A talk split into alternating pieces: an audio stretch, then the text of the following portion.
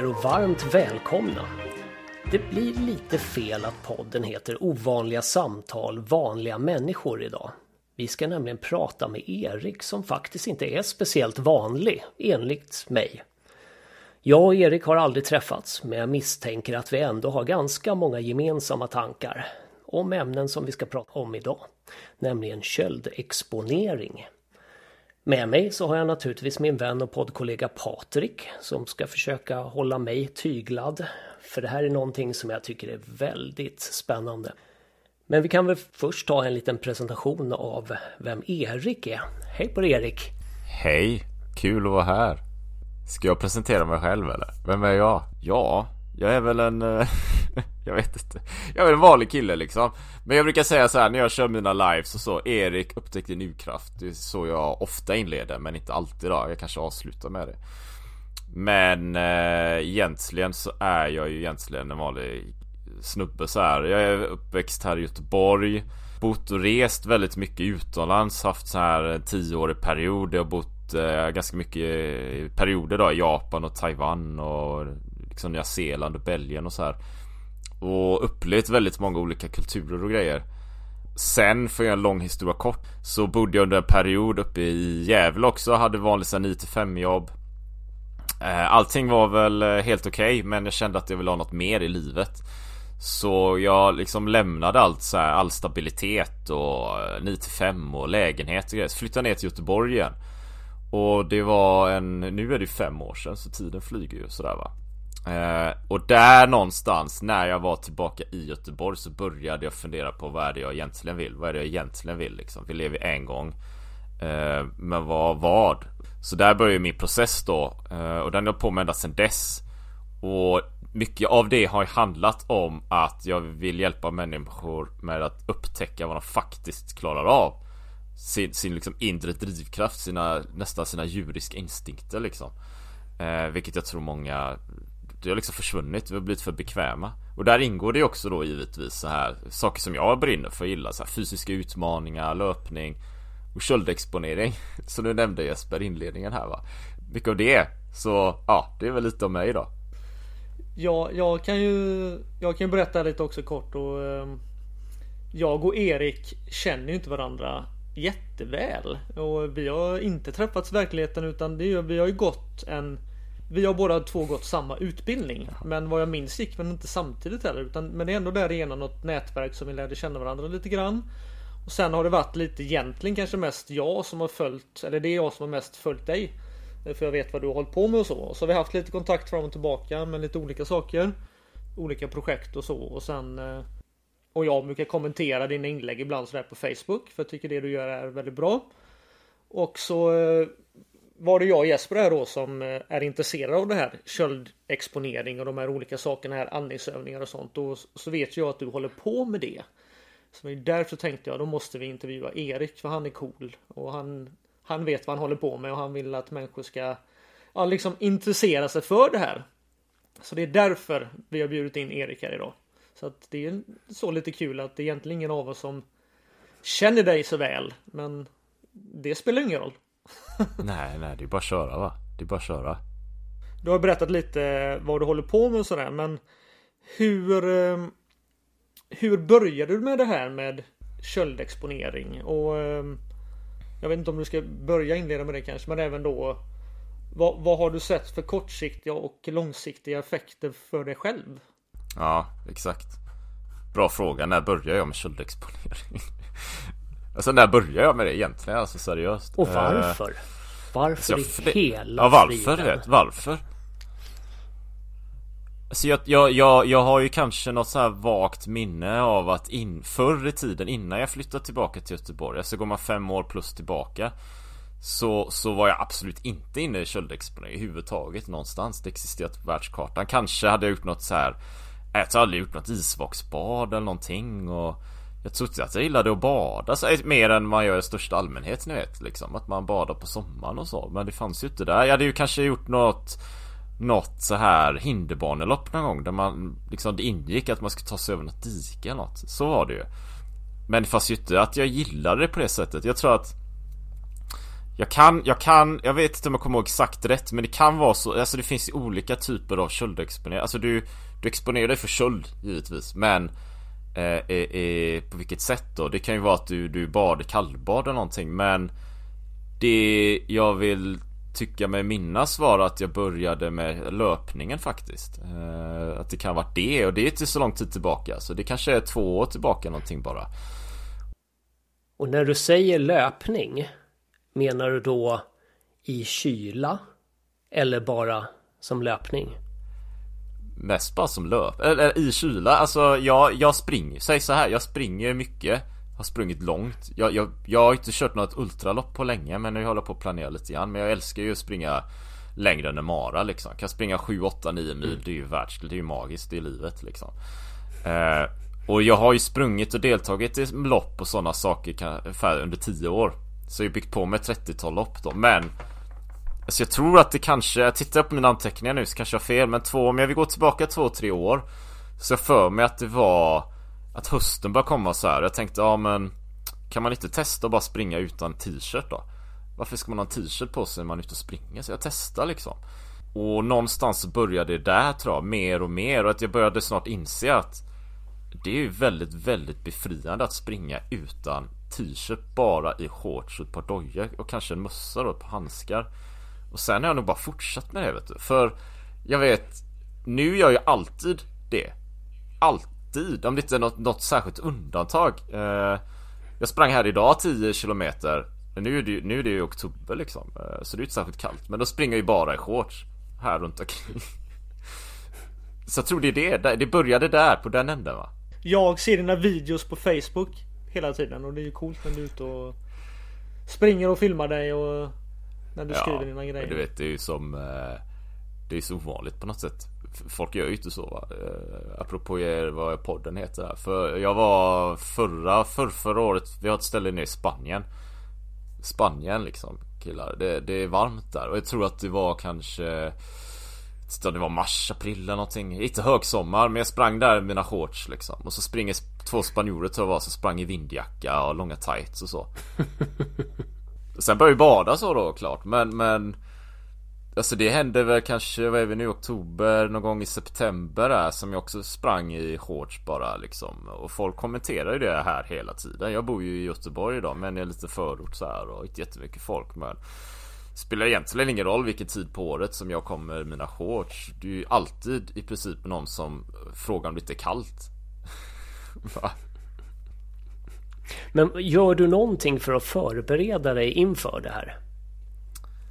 Eh, inte nu för tiden eh, Men För det finns ju, jag tänker det finns ju, det kallbad och sen är det ju löpning Om jag pratar löpning i det här fallet så Var det väl kanske mer i början att jag funderade, jag ville testa också Hur väl kan jag hantera kylan så här um, kan jag, vad är, vad, är, vad är gränsen liksom? Kan, kommer jag få frostskada eller någonting om jag är ute så här länge? Liksom, hur, hur, vad, vad hanterar kroppen? Jag visste inte. Va? Så jag vet i alla fall två tillfällen. Jag tror det var förra vintern, det var minus 10. Eh, då sprang jag i shorts. Jag sprang 5 kilometer här omkring. Och då kände jag väl på slutet av femman där att det började bränna lite väl i magen och, och, och jag vill inte ha köldskador. Så jag tänkte, ja men då kanske där någonstans går gränsen då. Um, mm. Jag tror det var kanske, om det var samma år Eller om det var, ja, det var nog samma förra året då Då sprang jag också runt i Skatås här. Men då var det ju gott om snö så massa folk som gick runt där. Fin solig dag för mig. De gick runt med sina, ja, familjen och hundarna Promenad. Så kommer jag springa där i shorts liksom. Det, det är ju många som tittar och sådär Men, men för att gå till frågan och förbereda mig på något sätt? Nej, inte mer än att kanske testa mig fram. Sen tror jag väl att när du gör det så får du mer brunt fett och brunt fett gör att du håller värme lättare. Eh, så du anpassar ju hela tiden. Så jag, jag kan ju säkert tänka mig att jag är mer motståndskraftig mot kyla än de flesta vid det här laget. Mm. Tror du då att man kan jobba fram brunt fett genom att utsätta sig för kyla mera? Ja, det är så jag har förstått det liksom. Eh, som att när, när du utsätter dig för kyla så kommer kroppen liksom trigga igång eh, de funktionerna så att det blir mer brunt fett i kroppen som mm. skyddar dig mot kyla. Så om du kör kallbad eller du springer kallt eller duschar kallt så tror jag absolut att du kommer bli mer motståndskraftig. Sen är det fortfarande kanske 99% sitter i hjärnan då att, att du liksom mm. Måste utsätta dig för det och, och här, liksom härda dig. Ja det är, väl, det är väl en sak som har saknats ganska länge i vårt samhälle ändå. Just det här att vi blir så bekväma att vi, vi har konstant värme inomhus. Vi har Redan nu har folk börjat sätta på sig en, en stor täckjacka just för att tänk om jag blir kall. Tänk om jag blir förkyld.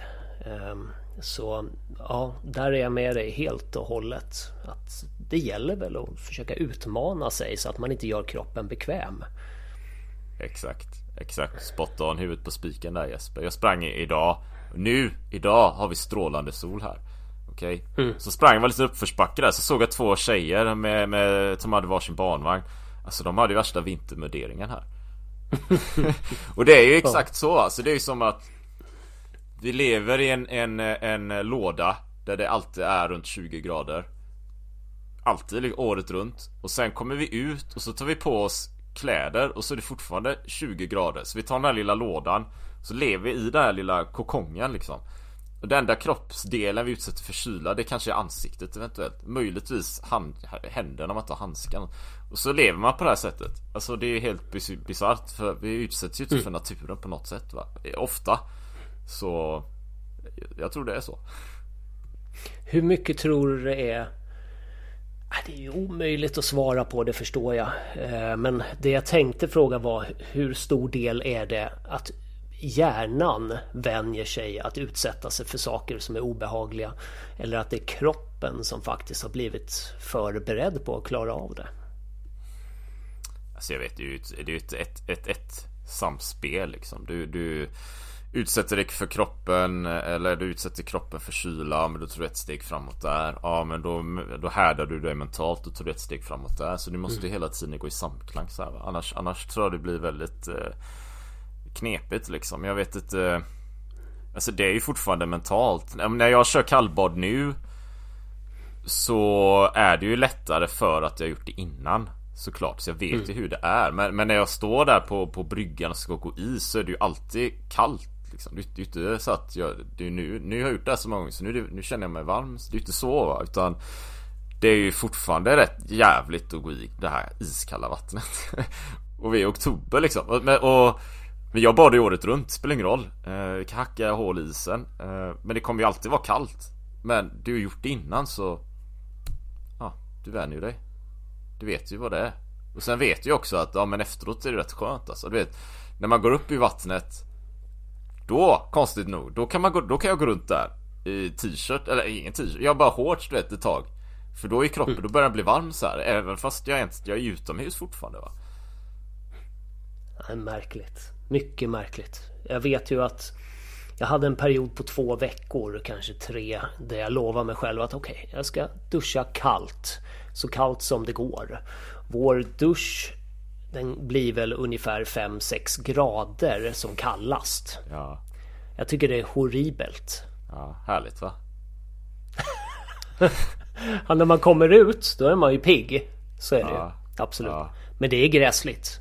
Ja. Men eh, jag ska ju säga dock att i två vintrar så har jag i alla fall varit ute och sprungit i bara shorts och t-shirt. Ja, det gör det alltså? Och det visar sig att ja, det, det fungerar ju. Plötsligt en dag så blev jag varse att jag fryser inte längre. Du har ju exponerat det på ett litet annat sätt då Jesper. Eh, ja, eller annat sätt men för att eh, det har inte du koll på Erik men jag vet ju att, att Jesper älskar älskar barfotalöpning.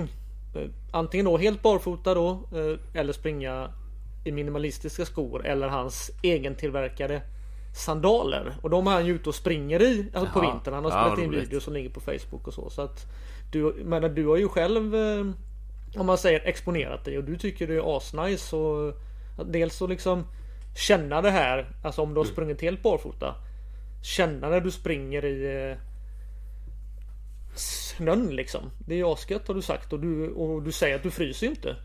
Eh, sen kanske du inte ska springa och liksom gömma fötterna i snön och göra det i en timme kanske. Men du har ju varit ute och sprungit ett tag. Och du har inte känt någonting så här, utan du känner dig ju varm liksom. Man värmer upp fötterna innan. Eh, hoppar lite jämfota inomhus och sen så sticker man ut. Ehm, det blir inte speciellt långt när man är helt barfota för i och med att snön blir eh, blöt så mm. blir du kall snabbt. Mm. Eh, däremot så gick jag faktiskt till ballettshoppen på jag ska inte göra reklam, men i Stockholm i alla fall. Och gled in där och sa hej, har ni sockerplast i storlek 41? Och så köpte jag ett par och i dem så sprang jag faktiskt. Och det är en fantastisk känsla. För så fort alla muskler i foten får arbeta mm. så blir jag inte kall längre. Mm. Ehm, och det var, det, det, var en, det var någonting som var väldigt stort för mig att jag kom på den delen. Dessutom får man ett häftigt grepp när man kan ta hjälp av tårna. Mm. Ehm, så länge du håller igång så fungerar det. Jag tror det är där, där eh, gränslandet liksom. Det är som om jag springer långt.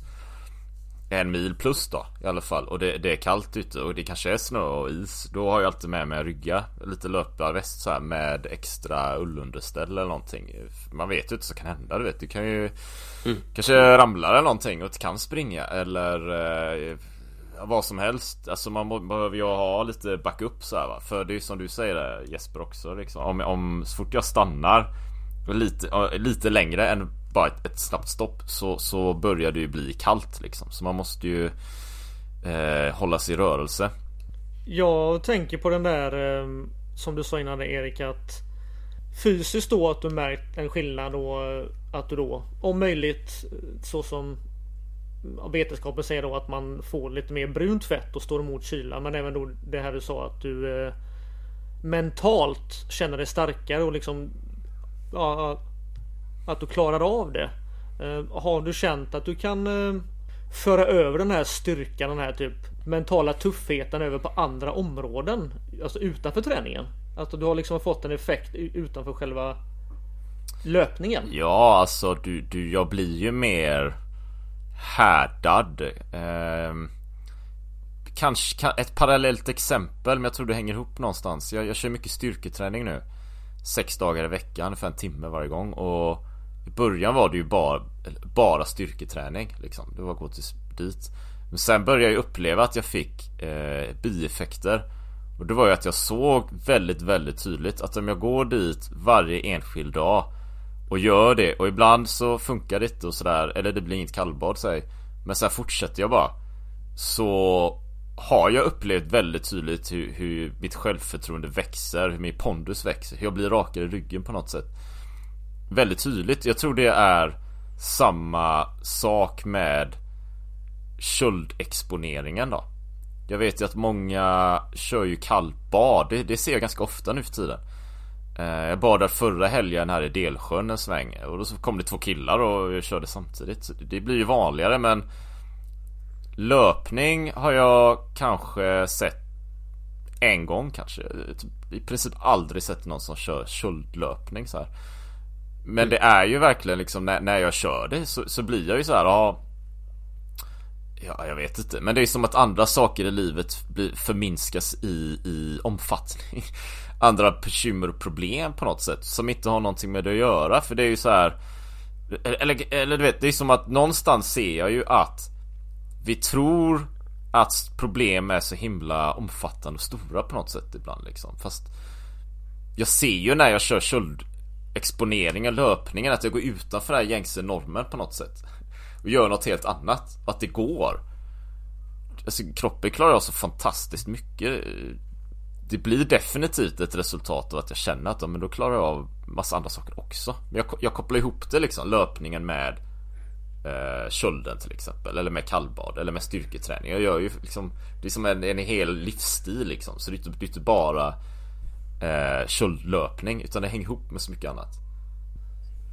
Och som du säger då kanske att du eh, Ja Om vi säger typ triviala eh, Saker i din vardag blir liksom lättare att hantera. Man liksom så här Fan det här är ju inga problem för jag, fan, jag badar ju kallbad liksom. Alltså att man liksom blir alltså, typ mentalt starkare liksom. Att, eh, Alla går, två, liksom två, blir... två stories där kanske, om jag kommer ihåg de här nu då. Men en sak jag faktiskt konkret upplever med, som det, det måste vara ett resultat av ex, bara köldexponeringen. Det är att jag jag märker att jag blir allt mer minimalistisk allt, mer, allt eftersom tiden går. Det är jättemärkligt. Men det måste vara ett resultat enbart av det här. Och det, det innebär att jag har ju alltid shorts till exempel. Om jag inte ska ut eh, till stan och gör något då kanske jag drar på mig ett par brallor liksom. Men jag har alltid shorts. Jag försöker alltid liksom ha så få grejer som möjligt. Precis som med löpningen liksom. Den du behöver ett par shorts och ett par dojor. Ska du bada? Ja men på shorts, på dojor för att ta dig ner. Alltså det blir så enkelt, du tar bort massa bös. Och jag tror det måste vara en koppling med, med köldexponering och, och, och, bad och sånt. Det enda du behöver är ju bara hoppa i badet. Du behöver inte massa bråte liksom och grejer runt omkring va. Så det, det är en sån. Eh, och sen är det ju absolut så att när jag kör i kombo med längre löppass. Eh, jag har ju sprungit två mil plus liksom också bara hårt och så här. I kombo med det fysiska så blir det absolut så liksom att ja men om jag kan köra en halvmara, och springa runt i shorts och det är minusgrader liksom. Ja, då kan man väl Alltså Fattar alltså man får ju perspektiv till mycket annat Men då kan jag väl bygga den här businessen Eller starta det här projektet Eller göra det här du, du får ju helt annan liksom verklighetsuppfattning någonstans va Och det är ju ascoolt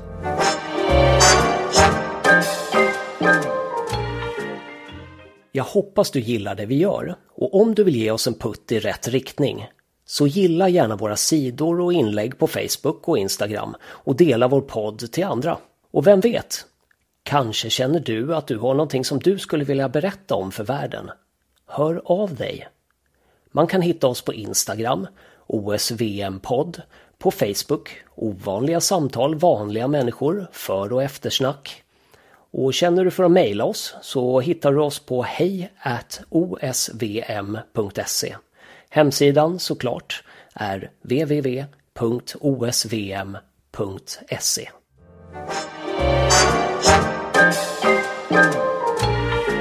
Ja men det, eh, apropå bös då eller lullull.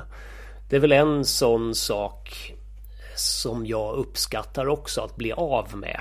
Ehm, ja, i mitt huvud. Det ringer någon liten klocka som säger Du börjar bli farbror, du börjar bli gubbe. Det är därför du springer omkring i bara kortbyxor.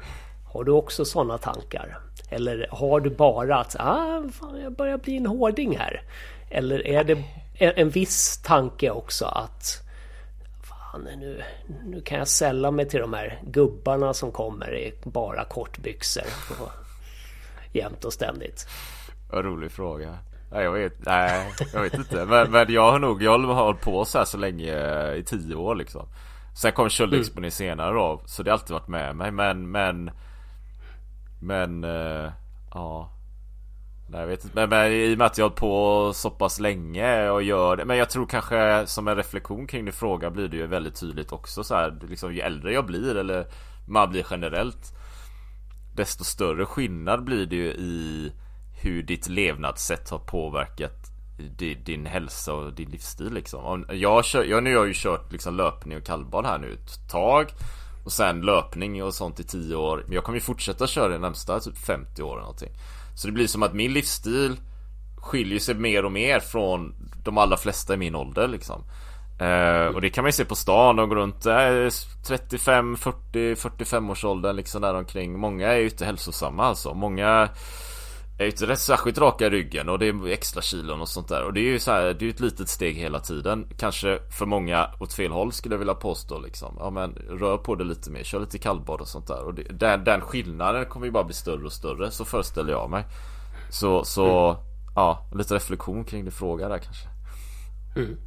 Ja, helt klart. Eh, jag måste ändå säga att i, i, mitt fall så har det varit så har vägen varit tvärtom. Ja. Jag började med minimalism och det i sin tur har fört med sig barfotalöpning, eh, köldexponering nu de senaste två åren bara då inte bara minimalism i antal prylar utan minimalism i tankarna överhuvudtaget har kommit tack vare det. Så att eh, min förhoppning är nog att köldexponering och att fortsätta så här eh, kommer ge mig mer utav eller kommer att ge min ADHD-hjärna mer utav den delen. Mm. Ja men jag förstår det. Jag hade just i september, oktober, augusti här så har det varit väldigt mycket projekt och sånt. Och, och, och alltså jag kan ju jag kan ju vara jag driver ju bolag också och koncept och Tustong Arms och Primal och grejer. Då, jag kan ju ha en miljon tankar i, luft, i, i, i huvudet samtidigt ibland liksom. Och så vill jag göra allting på en gång. Och, och jag är, ibland är jag bra på att varva ner och så. Men ibland är jag inte det alltså. Och då Körde jag ett kallbad här nu. Det var, det var bara några dagar sedan faktiskt. Förra veckan någonting. Här ute på västkusten. Strålande sol var det också då. Och då, då är det verkligen så här. Och det kanske är värdefullt för lyssnaren här också att Mycket som pågår så här lite snurrigt liksom. Ja, i det ögonblicket jag ställer mig på den här trappan och går ner i det här kalla vattnet Så är allt sånt borta på ett ögonblick Det är ju bara kylan Resten av det existerar inte och så är det ju så länge jag är i vattnet på något sätt och en bit efteråt. Alltså det är ju Det är ju fantastiskt bra För närvaron och den mentala hälsan. För det enda jag tänker på Det enda jag känner är ju kylan Och det enda jag tänker på är andningen. That's it. Och sen kan jag ju vara nere i om det är Det kan vara 20 sekunder liksom eller, eller ett par minuter. Och sen när jag kommer upp ur Vattnet Så är det ju på något sätt kvar. Alla, Allt det där bö, böset här då Säger det igen. Som var snurrat runt innan. Det är ju som borta liksom. Det är som ett, ett svärm flugor har försvunnit. Och så är det harmoni. Dessutom så är det ju alltid, är kroppen är alltid lite varmare när man kommer upp ur vattnet. Vilket jag förmodar då det är för att det är liksom inre blodkärl och grejer. Så blodet kommer ut i, i händer och eh, liksom på utsidan av kroppen mer. Så att du värms upp snabbare. Och då kan man ju gå runt, då kan jag ju gå runt där. Och det gjorde jag ju nu här i dagarna. Så jag hade ju en, en sån här termos med Kaffe för mig, eller var te kanske. Så jag gick runt på klipporna där, tog lite filmer och sånt. I shorts liksom. Genomblöt. Jämför det då med precis innan det här badet? För då hade jag jacka på mig och gick runt och frös. Jag tyckte att åh vad kallt, det är så kallt. Åh. Efteråt är det bara harmoni och jag tar lite filmer och grejer. Kroppen är märklig Ja. Det är skitcoolt. Ja. Men nu gled du in på en annan sak här som vi eh, också är intresserade av och vill prata med dig om. Du nämnde andningsövningar. Ehm, är du lika insatt och håller du på lika mycket? Alltså jag tänker ju att det krävs ju att man måste vara väldigt lugn när man typ går i en isvak eller ett väldigt kallt bad. Eh, och jag har ju, ja, jag har ju även en del kunskap och läst på och sådär liksom. Så att jag vet ju att man behöver andas för att klara av då liksom, alltså för att inte kroppen ska gå upp i någon typ chock. Så alltså jobbar du mycket med andningsövningar och sånt och vad är det du har lärt dig och så? Eh, från och till. Jag kommer ihåg läste mycket Wim Hof i, i början där två, tre år sedan ungefär. Eh, gick kanske några av hans kurser, hade appen, jag vet att de har en app och så. Gjorde en hel del andningsövningar då. Eh, särskilt den här där jag gillar då liksom in ut 30 gånger. Och så håll andan. In ut 30 gånger, håll andan, in ut 30 gånger, håll andan. Och jag, jag tror kunde ha landat så här 3 minuter någonting. Um, det är ganska länge alltså och Jag kommer ihåg, jag, eh, första gången jag fick en riktig effekt av det Det var sommar, jag låg ute i gräsmattan så sista gången jag höll i andan så här Kroppen kändes helt lugn Så började jag höra den här Som en svärm av gräshoppor typ så här, ett, ett vitt brus i bakgrunden och bara bzzz. Så bara vad är det här? Liksom, jag blundade och så och tänkte om det är, det är en massa flugor här eller någonting Sen förstod jag att det är ju någon slags jag vet inte, fysiologisk reaktion liksom Just att du, du gärna lider brist på syre så här. Så det är det som händer va, men det är ju magiskt för jag håller ju andan, jag är ju fullt närvarande men jag är ytterst avslappnad på något sätt. Och sen när jag släpper det och börjar andas normalt fast Liksom andningstakten är väldigt, väldigt låg.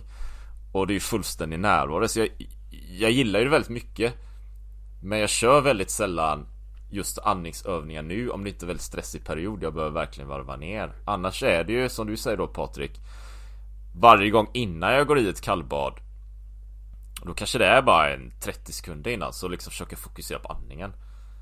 För Annars, annars blir det ja, man kan ju bara hoppa i och sig Men jag tror det blir som en chock För kroppen på något sätt, du bara hoppar i det där kalla Jag vill ha andning, jag vill ha fokus på andningen. Bara fokus på andningen. För då blir det som att den här kylan jag känner Är bara det, det är bara en känsla. Det är inget annat. Det, det, det, det, det, det är kallt men det är bara känt, det, det, det rör inte mig liksom. Det är nästan något externt, det är bara en känsla. Och då kan hantera den på ett helt annat sätt. Och då kan jag vara nere i vattnet längre. Istället för att vara i känslan och åh det är så kallt jag fryser och Nej det är skit i det liksom. Det är bara en känsla. Andningen in ut In ut Och det är väl som vi har lärt oss Jesper eh, Hypoventilering heter det va? När du håller andan Eller ja just det När du inte andas Ja, ja, ja. Eller det är hypervent Hyperventilering Hyperventilering är när du håller andan och då eh, eh, hypervent alltså hyperventileringen är när man gör de här andnings Alltså Ja. in in in och så Just det Så man ska särskilja på hypo och hy, Hypo och hyper Precis. Och eh, när du när du hyperventilerar, det är väl då det händer att du får ur dig så mycket koldioxid som möjligt. Ja. Ehm, vilket i sin tur gör då att ehm, kroppen har mer tid på sig innan du har samlat upp, innan du har mak- vad heter det? makulerat. Ehm, ja, innan du har samlat på dig tillräckligt mycket koldioxid igen så att kroppen börjar få panik. Mm. Men sen också så handlar det ju om att vänja kroppen vid koldioxid. Eh, vilket jag vet händer när du kör eh, eh, fridykning. Så handlar det inte bara om de här andningsövningarna utan också att vänja kroppen vid att klara av koldioxid. Så ja, det är fascinerande. Men jag vet faktiskt inte heller riktigt vad som händer när det börjar pirra. För jag har provat det där också och det är väl... Jag personligen har aldrig testat droger men eh, det är väldigt nära att jag känner mig hög. Det pirrar i hela kroppen, det surrar i hjärnan som du säger och jag känner mig enormt lugn. Det är en av de få tillfällen i mitt liv där jag är fullkomligt lugn och närvarande. Och närvarande, absolut. Man känner hela kroppen. Men, men den här koldioxiden är, det är väl alltså när, när kroppen känner det så är det ju ett slags försvar att kroppen känner att nu behöver du Ja Att nu behöver du syre här. Nu har du liksom syrebrist. Så det är väl därför, det är därför man får den här känslan. Men sen är det ju också hur, alltså det är ju så att man klarar ju att eh, vara utan syre. Hjärnan är ju väldigt känd, alltså hjärnan behöver syre. Eh, men att om du övar på det här så klarar ju du att att liksom klara dig på mindre och mindre syre om du gör det på rätt sätt, är försiktig och övar liksom. Så, Alltså det går att liksom alltså, komma över den här tröskeln och liksom inte få den här paniken när det här koldioxidet är väldigt högt. Ja, och du, du, du eh, kan ju få mer träningseffekt och liknande liksom. Alltså man, håller man andan där och eh, Man tömmer ju, kan inte göra det här till 100% men Tömmer kroppen på koldioxid och liknande då, då har du ju ök, eller du får ju in ökad eh, syremättnad eller vad det är. Du kan ju göra fler armhävningar än vad du kan göra i vanliga fall då liksom och liknande. Du kan ju kanske göra dubbelt så många till exempel.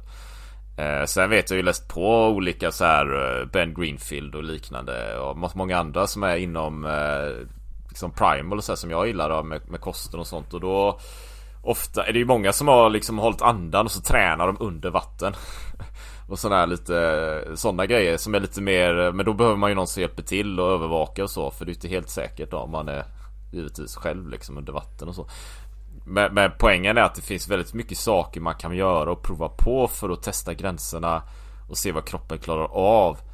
Och då blir det ju klart att om du, om du kör en andningsövning här i gräset eller du springer i shorts kanske många tycker att det är lite halv crazy men det är ju inte särskilt extremt vad man skulle kunna göra. Det är ganska eh, enkla grejer liksom för att bara komma igång så här. Har du märkt av någon skillnad i immunförsvaret? Ehm, Om du tänker tillbaka hur det var innan. Nej, inte, inte som en direkt länk till uh, andningsövningar kan jag inte påstå men jag vet ju att när jag börjar lägga om kosten och så här, Jag kör ju väldigt mycket low carb och primal som jag kallar det då, Som är lite, tänk paleo eller liksom bra kött och mycket grönsaker och bra fetter och så um, Det har jag kört väldigt länge med lite extra tillskott och sånt som jag tror på då och då har jag ju inte, jag har inte haft en sån här vanlig förkylning på flera år. Jag vet fem år eller någonting liksom. Sen jag började. Så det, jag vet, jag, jag nu är det ju det, situationen där med Corona och grejer. Jag vet min mamma var ju sjuk i, i eh, Covid under två veckor. Hade feber från och till hela tiden. Så det var jag som tog hand om henne. Och det var ju i, det var ju i början av pandemin. Det var innan det fanns några vaccinationer eller någonting. Inget sådär fan. Jag tog hand om henne hela tiden. Och jag tappade ju lukt och smaksinne där kommer jag ihåg. Eller jag kommer ihåg i alla fall att jag, jag ingenting smakade någonting. Tyckte det var så himla konstigt. Eh, men jag hade ingen feber liksom. Jag, jag var ju aldrig sjuk på det sättet. Eh, väldigt låg energi. Men inget annat. Eh, så jag har ju varit väldigt frisk under väldigt lång tid. Och det som jag snackade med en annan kille eh, här nyligen som sa det. Ja men han har också lagt om kosten så han är liksom aldrig förkyld längre. Eh, han tränar och simmar väldigt mycket då. Ja, men det, det, spelar roll liksom. Alltså det, det, även om du bara blir av med de här enkla förkylningarna. Det, det är ju det som är det fantastiska. För då slipper du bli av med en eller två veckor, inte kan träna, inte kan leva det här vanliga livet. Du kan bara Istället kan du vara aktiv i det du älskar att göra. Så jag tänker att även de här För jag tror att många där ute Är vana vid att Ja men jag har en förkylning en, två gånger om året. Nej, det ska du inte ha liksom. Det är inte normalt. Man ska inte vara förkyld sådär. Så det är normaltillståndet att alltid vara frisk. Det är vad jag tror på. Eh, eh annars så är det något som inte stämmer liksom. Så jag tror ju mer då kanske Jesper så och, och Patrik att om man lägger ihop andningsövningar, kallbad, löpning, styrketräning, en bra kost. Man har hela, hela livsstilen va. Så gott det går. Och då kommer man att mota Olle i grind här va det, det, det, det är inte bara en del utan det är alltså, det är inte så enkelt som att det bara är en sak utan det är ett par olika saker man ska tänka på. Liksom. Ja alltså det får vi... Ja ja ja ja ja alltså det är ju kosten är ju vansinnigt viktig. Ja. Det är folk fattar ju ofta inte det. Man, folk äter ju vad som helst. Det är ju som eh, jag la upp ett inlägg på fejan här. Jag, jag tror det. Eller så publiceras det idag kanske någonting men men då är det, du vet, det är som att gå till snabbköpet här. Det är som värsta hinderbaneloppet. Det är ju fruktansvärt. Du vet, du går in där och så är det bara massa bröd och massa annat bös. Säger bös igen bara för att vi sa det innan. så det är massa annat grejer. Bara, bara shit det där, massa spannmål och skit liksom. Alltså det är ju fruktansvärt. Sen går man förbi nästa, då är det bara så här processade pålägg och osta, eller osta, osta, men det är massa processade eh, Typ skinkor och korvar och grejer. Nej men det där är inte så bra heller va. Och sen går du förbi pastahyllorna, alltså det, det är ju hemskt. Och sen går du på finalen här liksom. Då är det 5-10 meter och bara godis. Ja, hur ska vi överleva det moderna samhället? Man går in i hinderbanelopp och ska köra här. Alltså det är ju det, det, det är fasansfullt. Och sen sista, sista, precis innan man pröjsar så är det en liten hylla, en massa tuggummi och skit också. det är så konstigt vi mår skit. Och sen så ska man utsätta sig för det och sen är det alla andra bitar i livet också med stress och jobb och alla såna grejer. Så det är klart, allt hör ihop, det är inte bara en grej. Det var mitt mm. svar. På det då. Jag, tror, jag, jag såg framför mig här nu de här gamla motorcykeltrattarna man hade på sig ja. förr. Har ni sett dem? Ja. Det hade ju varit perfekt att ha en sån när man går igenom matvarubutikerna idag. Så man behöver hjälp. Alltså ärligt talat, jag, inte, jag kan ju gå förbi där vet och så bara Det är sällan jag köper godis för men jag är ju svag för choklad då va, så Tänker min smärtgräns går vid 70% Kanske inte låter så farligt men Men även det 70% där bara nej, det är ändå rätt bra alltså Så det kan hända att jag köper på mig något sånt och då Då, då är ändå jag kanske medveten om kostens betydelse Liksom. Så lägger den där då. Men, men för de allra flesta så, alltså jag tror jättesvårt där att äta bra och rent och sunt och hälsosamt och sånt. För vi, vi möts av så mycket annat hela tiden. Så den där tratten, ja. Man skulle gå in på snabbköpet liksom. Så skulle man ha någon eh, trevlig person som tar en i handen och hjälper en hela vägen runt. Coachar en live där va. Mm. Inte handla när man är hungrig. Det är, ja. ett, det är en, det, det är en, det är en ja. bra sak att, att faktiskt Exakt. tänka på. Jag tror att jag vet vad den där pirrande känslan är som kommer vid andningsövningar och även köldexponering. Och framförallt när du kombinerar de två sakerna. Och det är någonting som kallas för, ska vi se om jag kan uttala det här, endokannabinoider. Det är du. Tjusigt, det, det gillar jag. Endokannabinoider. endokannabinoider, ja. Det är alltså kroppsegna hormoner och signalsystem. Eh, känslan av det kan påminna om vissa droger, till exempel cannabis, eh, men mycket kortare perioder. Och de kan triggas tydligen eh, om du kombinerar andningsövningar, vilket eh, om du hyper hyperventilerar så sätter du igång den här fight, flight och fright mode. Mm. Samtidigt då som du hoppar ner i, i vatten, mm. kallt vatten, så blir det en chock för kroppen. Mm. Och det här i sin tur då triggar igång det här i kroppen. Mm. Så jag får väl prova. Ja. Så jag googlar så här. Det var ju spännande ja, nej, men det... term. Jag har inte läst innan. Kul. Intressant. Eh, men jag kommer tänka på det där. Eh, vi, nu kom vi in lite på kost där och det är asintressant. Men jag tänkte vända tillbaka lite här till eh, köldexponeringen och det här. Att, för du nämnde där. finns en kille som heter Wim Hof. Som då kanske en del har bara hört namnet eller kanske börjat läsa på lite eller hållit på med det ett tag. Och du har ju berättat för oss att du i början där att du läste på en del och så. Och eh, jag och Jesper har kollat in det här lite nu och har hyfsad koll på det. Och han, eh, ja, och det, så det är väl positivt. Alltså han är ju väldigt så här, det här är det här, det här, det här är lösning till livets gåta liksom och uh, det här ska alla göra och alla kan gö göra det här och alla kan göra det jag gör, säger han då. Men vi har ju ändå kollat lite grann vi har kollat på lite läkare som har uttalat sig så. En del saker som han säger ur ett vetenskapligt perspektiv stämmer ju inte riktigt och även det här att han säger att alla kan göra det. Det, det, det är ju en väldigt positiv inställning att ha och jag gillar den. Men man kanske ska förstå lite att ja, alla kan göra det han gör, men inte på den nivån han gör det för att alla, menar jag kan börja simma, jag kommer inte bli Michael Phelps eller jag kan börja med en, någon annan idrott och eller jag, jag kan börja löpspringa då kommer inte jag bli eh, världsmästare i det per automatik. Alltså man kan bli väldigt mycket bättre än vad man är. Mm. Och jag kanske är en löpare som skulle kunna bli världsbäst. Jag, jag säger inte det, men att man kan ju inte bli världsbäst på allting.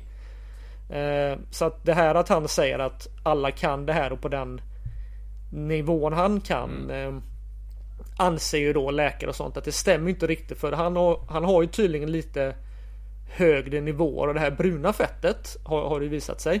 Och, in, och, in, och, inte bara då att eh, han har fått det för att han har utsatt sig för det här eh, köldexponeringen utan för att han har haft det. För, alltså han har väldigt mycket högre nivåer och det hjälper ju honom då. Eh, och sen även att eh, det var Jesper som berättade det för mig att eh, han har väl eh, levt på hög höjd också under en, en relativt lång period eller ja. Han har väl två föräldrar som eh, åtminstone en har, har varit kär, Sherpa eller vad det heter. Mm, okay. Alltså guide uppe i bergen mm. på väldigt hög höjd. Och Tydligen så har det väldigt mycket med gener att göra. Så mm. människor som har de generna, alltså generation efter generation som har bott på hög höjd, har en högre toleransnivå. Oavsett om du tar dig ner på normal höjd då, om vi säger så. Så att det finns ju en, en genetisk del där och precis som Jesper säger att det han ligger på en annan nivå så att det är väldigt få människor som kan komma upp till det han håller på med. Men sen gillar jag fortfarande det han säger att alla människor kan göra de här sakerna, andningsövningarna mm. och exponera sig för kyla. För uppenbarligen Du är kanske ingen Wim Hof men du har ju börjat någonstans från början och du har ju blivit bättre och bättre så man kan ju liksom höja sin nivå avsevärt. Men man kanske inte kan bli exakt som honom och sen pratar han ju lite också om att man kan påverka immunförsvaret eh, helt och hållet och typ när man har blivit sjuk så kan man ja, gör, alltså göra sig frisk liksom. Och det finns för vissa sådana saker som är kanske lite Det är kanske inte en hel sanning så att säga eller vetenskapligt i alla fall och sen är det ju det här också som de pratar mycket om och det är ju Det är kanske inte alla som tänker på det men det här eh, Det vi kallar placebo Det är ju väldigt starkt och det är inte någonting som man ska Ja alltså använda mer och mer. Alltså det är, ju, det är ju kanske svårt att använda det egentligen om man är medveten om det. För det, det handlar om att man om man tror på någonting. Säg att du tar en medicin och så säger läkaren till dig att du tar det här. För att det ska hjälpa dig mot det här. Så får du bara ett sockerpiller. Då har det visat sig att folk eh, Ja men att det får en effekt. Och det är ju placebo. Det är, alltså det är ju din hjärna. Det är ju att du om du tror på någonting så kan du liksom påverka det alltså till en viss del. Och det är ju jäkligt häftigt. Eh, och det är ju det är också lite det som du kan göra här då visar det sig att det finns ju en väldigt stark liksom placeboeffekt. För en del av de här om vi säger studierna som han har varit med i så har det varit olika kontrollgrupper och sånt. Men de har väl, de är ju inte riktigt så här vetenskapliga fullt ut. För att alla de som har varit med i hans studier, eller så som jag har förstått det i alla fall. De tror ju på hans, hans metod väldigt starkt. Och det hjälper ju till. Om du tror på det så går du in med en positiv inställning. Ja men att du tror på att det ger en effekt. Det hjälper ju till att ge alltså en effekt. Om du går in och kanske är lite negativ. Och det säger inte att det är ju bra att vara lite negativ och vara lite kritisk och ställa lite frågor men det, hade nog varit intressant att ha en grupp med bara sådana som var jättekritiska till det han gör och sådana som är jätteför det för då skulle man ju se skillnader. Sen finns det alltid individuella skillnader såklart och sen ska man egentligen göra sådana här dubbelstudier och allt sånt som man inte riktigt mm. gjort heller. Sådär. Men det är det som är väldigt svårt att göra. Jag tror, jag tror att det var, det var precis det som var problemet också. Att det var en undersökning man tog in några människor. Men man gjorde det bara en gång och då, då var det svårt att faktiskt veta om det här bara var slumpen eller om det faktiskt hände. Sen är ju när de berättar om de här effekterna som de får utav andningsövningar i samband med att de får influensan. Eh, det är ju egentligen bara subjektiva, ja, subjektiva påståenden helt enkelt. Så vill man, eller det jag förespråkar mycket det är att, att se till så att det finns liksom data och vetenskap och forskning i grunden. Um, har du det så är det jättebra. Men jag vill nog ta det ett steg längre och testa grejerna sådär va, prova. För den, den, är den upplevelsen du har av någonting kommer ju liksom väga väldigt mycket. Såklart va. Mm. Om, om, det är placebo eller om det är något annat eller eh, Ja men har den här effekten i din upplevelse av kallbad Så är det ju värt väldigt mycket och Ibland kan ju tänka så att ja, vetenskap och forskning är jättebra men det finns så fantastiskt mycket att göra vetenskap och forskning om liksom. Om man ska gå in i Wim Hof och andningen och alla de här grejerna och Så ska man ha dubbelblindstudier och så ska man ha Kontrollgrupper och så ska man ha ett antal studier så ska det vara under flera år liksom. Alltså det är ju ganska omfattande projekt kan jag tänka mig att faktiskt få till alla de studierna eh, Och sen ska de löpa och så ska det vara långsiktigt eh, bara där ser jag att det är svårt att få, få till det. Bara rent logistiskt. Det är svårt att få till det. Mm. Um, så det blir ju alltid liksom luckor. Och sen när man väl får till alla de här studierna Ja men då har man väl kanske Då kanske Säg att man konstaterar Ja men det var ju så. Det blev ju faktiskt bättre. Ja okej. Okay. men då är ju de som faktiskt håller på med de här andningsövningarna och sånt De kanske har gått vidare. De börjar med massa andra grejer nu. För nu har de fattat De har fattat det för länge sedan Att det här funkar ju.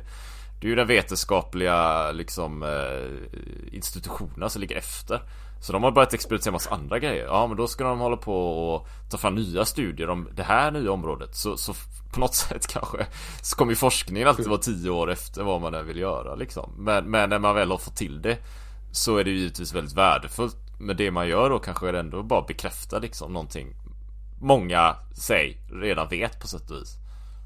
Någonting som, som redan bekräftar det här Eh, och, och, som det finns mycket forskning på det är ju till exempel eh, elitidrottsmän, eh, elitsoldater. Där ser vi ju att när du börjar utsätta kroppen för hårda påfrestningar om och om och om igen så minskar precis som du berättade där, så minskar de här som oftast känns som stora livsproblem. De minskar. De blir lättare att ta hand om. Man får en annan fokus och man blir tåligare. Det vet vi redan. Aha. Så det borde ju inte vara... Det är ju inte så konstigt om det kan appliceras på det här också.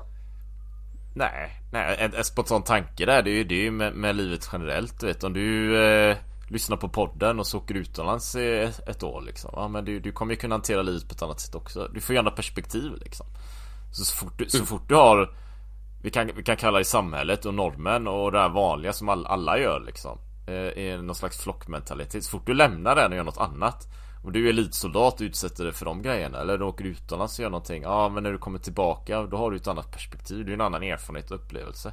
Så du kommer ju sannolikt bli stärkt på något sätt.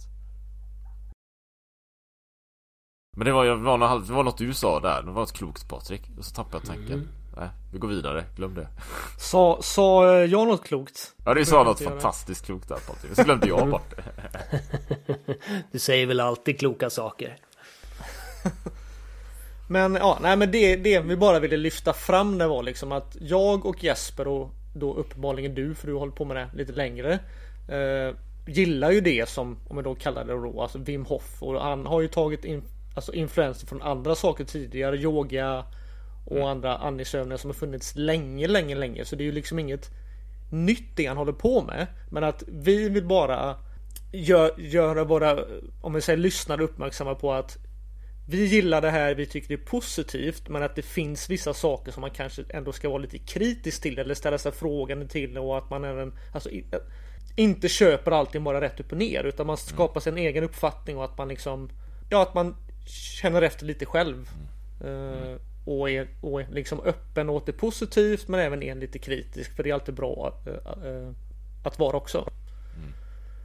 Spot on. Och då är vi ju där liksom. Det handlar ju om att eh, experiment-testa själv Det går ju inte annars liksom. Man kan ju inte sitta och läsa forskningsrapport och säga nej men det är eller Ja ah, nej men det var inte bra och så gör man ingenting. Ja men gå ut och prova om du vill liksom. Såklart va. Så, så det är fortfarande den personliga upplevelsen av någonting. Det är där, det är där sätter jag stort värde. Och sen är det klart att man ska vara eh, kritisk eller man ska fundera på om det funkar eller inte. Man kan titta och läsa på och sånt liksom. Men, men den personliga upplevelsen är väldigt värdefull. Såklart. Vad förväntar du dig eller vad vill du ha ut utav det här i långa loppet? Är det något sånt? Är det bara att ha roligt? Mm. Och nu kom det där leendet. Ja, så nu, nu jag, jag misstänker att det är, det, det är någon typ av känsla av att det här tycker jag om, det här tycker jag är roligt. Det här tänker jag fortsätta med. jag, jag, tycker om det här. Ja, men jag tycker om det för, för att jag gör det. Jag, jag, jag, det är roligt liksom. Eller, eller jag... Dels är det ju bara rent konkret kul. För ibland kan jag tycka att jag är någon slags glädjespridare här. För det är så många som skrattar när jag kommer springande. De är riktigt kallt och så här, så jag sprider ju någon slags glädje. Uh, sen känns det ju fantastiskt bra när jag är ute och springer shorts eller badar bara någonting. Alltså du har ju den här Som du beskrev innan Jesper med fötterna och sådär. Alltså du, du använder ju hela kroppen på ett helt annat sätt. Det är en helt annan dimension här va. Och som jag ser det så är det något långsiktigt som jag Kommer, jag, eller kommer göra det, är väl bara fortsätta egentligen på samma spår. Och utveckla allt eftersom. Men, men det är som jag brukar säga i mina kanaler Min, min målsättning är någonstans Det är att kunna springa maraton när jag är 90 plus. Ja, varför inte liksom? Det är ju bara att köra. Men då får man ju fortsätta. Allting jag gör Idag har ju effekt imorgon om 20 år. Såklart. Så allting hänger ihop. Om det är med kosten eller köldexponering eller någonting. Så det är ju det långa loppet så vill jag ju ha en väldigt bra hälsa, alltid känna mig stark Bra självförtroende, ha pondusen, allting hänger ihop. Det är mental styrka liksom genom hela livet. Och då tror jag att man måste använda kroppen, hela kroppen. Inte bara en del av kroppen, inte bara musklerna man springer Utan du måste använda känslan liksom Alla dina sinnesförnimmelser. Slutar du göra det så tror jag att de börjar domna av och till slut så kommer du inte uppleva livet på samma sätt längre och då är man där när man är 70-80 bast och lite hängig och man har, man har tappat liksom. Det är alldeles för sent, man kan ju börja då med men liksom lev livet fullt ut.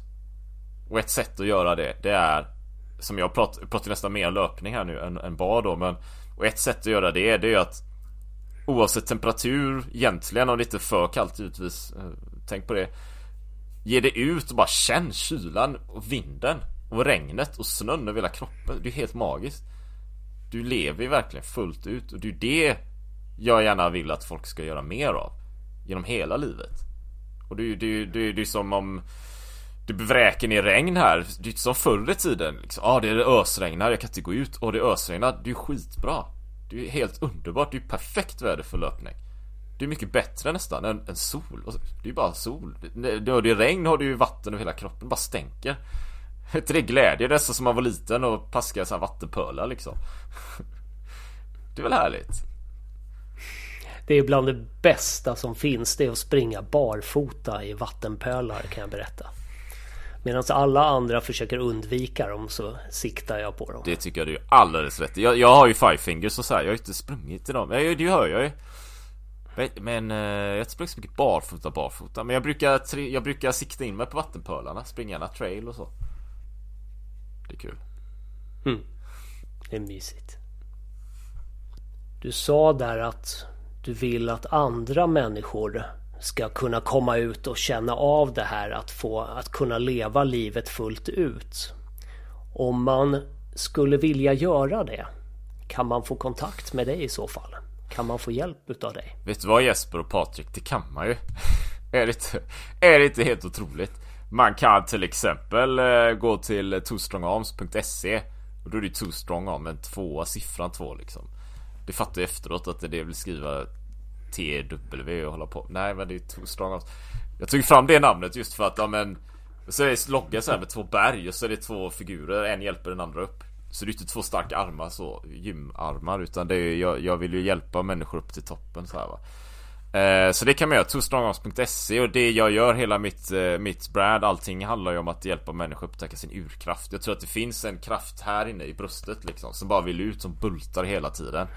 Och jag tror att det är många av oss som kanske är Stressade, har ångest, deprimerade, alla möjliga beroendeproblematik Det är så fantastiskt mycket i livet liksom Och jag tror mycket av det beror på att vi inte lever våra liv som vi vill göra och ett sätt att, att komma närmare att leva det livet vi vill göra Det är att faktiskt börja kallbada då Eller börja springa, börja använda kroppen För den här, den här lilla kraften där Det är ju det vi har utvecklat för flera miljoner år den sitter ju där och nu den, sitter den bekvämt på soffan istället. Det är inte där den ska vara. Den ska vara ute och röra på sig. Hjärnan är stor för att det är en stor rörelsecentral. Den är inte stor för att vi ska kunna ta in Netflix bättre liksom. Utan den är ju inte stor för att vi ska ut och göra grejer. Så, twostrongarms.se, kolla där. Hör av er om ni vill. Vi kommer lägga en länk också i, till avsnittet så folk hittar in.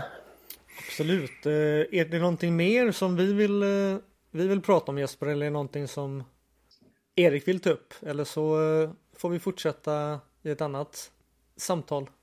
Det är säsong två, avsnitt två Kanske Om någon vill höra mer, då folk kanske bara nej nu kommer han där Erik här som springer hårt bara. Eller så blir det mer, vi får se, hoppas det. Jag vet, jag råkar ha, sitta på inside information där. Jag vet att folk vill höra mer om det här. Du har ju även bra. så här som, eh, ja jag anser då, nu håller inte Jesper med mig men Som jag anser att du och Jesper då, nu har ju såna här riktiga Härliga röster att lyssna på också så vem vill inte lyssna på dig liksom?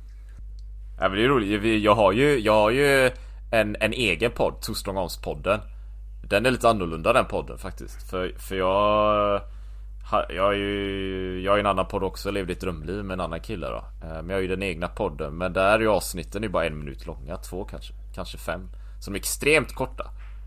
Min tanke där var ju att Jag gillar ju poddar också, ska jag säga innan jag säger vad jag ska säga nu. Det är att du har inte tid att lyssna på poddar. Ut och spring, ut och bada. Lyssna på denna podden, för den är jättebra. Men överlag har du inte, du har inte tid med det här. Du har inte tid liksom, tiden är slut. Ut och gör grejer, ta action, nu, idag, lev ditt drömliv. Det, det finns inget annat liksom. Så tiden är slut. Punkt. Så därför är den bara en minut Kort då, en del avsnitt. Så jag vill att folk ska ta action och bara ge sig iväg och göra grejer. Jag har en schysst stil, jag nämner den i min egen podd. Jag nämner den faktiskt bara enbart i podden, finns ingen annanstans. Men jag kan nämna den här också då. Men eh, om man vill så kan man gå till www då Eriks nya erbjudande punkt nu, tror det är punkt nu. Eh, Eriks, er, eh, Eriks nya erbjudande punkt nu. Där har jag mina två kurser då för 149 spänn. Så de är värda tre eller dubbelt så mycket annars då. Men där är det ju en kurs i överlistade psyke från soffan till äventyr på sju dagar. Och det är ju mina erfarenheter eh, blandat då med metoder och verktyg och konkreta grejer liksom. Så att man kan släppa soffan då. Och, och soffan är helt okej okay ibland alltså. Det återhämtar ju det värdefullt till med. Men så att ja, ni fattar grejen. Ni fattar lyssnarna också tror jag. Att, att liksom komma ut och göra mm. grejer. Så där överlistar ditt psyke. Den, den, den, är, den har fått bra feedback på också. Och sen har jag en annan kurs också. Som är eh, Optimera dina celler då Som handlar om fettsyrebalansen och om man kan testa om kosten funkar och massa data och vetenskap där. Så det är två kurser. Dessutom har det överlistat psyke boken Det är ju en bok också. Den ingår ju i det paketet liksom. Men det är 149 spänn som man vill då Så kan man ju gå till eriksnöjbjörn.nu och där finns den och erbjudanden och sånt. Så kan man kolla. Men den, den benämner jag bara min egen podd och du är uppenbarligen i den här podden. Så kan man göra. Men det låter fantastiskt. Tack så hemskt mycket. Och jag är övertygad om att våra lyssnare kommer gilla det här och gå in och kolla in det. Så eh, ja, tack så hemskt mycket för att du vill vara med Erik. Så, som vi brukar säga till våra gäster att ni är alltid hjärtligt välkomna tillbaka. Antingen prata om samma sak igen, en del två kanske eller om det finns något annat intressant som du vill prata om så är du alltid välkommen tillbaka. Gött. Göttas, tusen tack för att jag fick vara med. Det, det, det, det är roligt liksom. Bara prata om, om det jag brinner för såklart. Det är ju världsklass. Så tusen tack för att ni bjöd in mig också och lyssna på den här podden. Den verkar ju uppenbarligen helt grym. Så eh, det finns eh, mycket här material, bra kunskap och schyssta eh, podcaströster också. Tack. Jag vet vad jag kommer ta vägen direkt efter det här. Jag ska in på twostrongarms.se. Så ses vi där. Kul. Ha det så bra. Tack. Hej hej. Don't do it, do it again.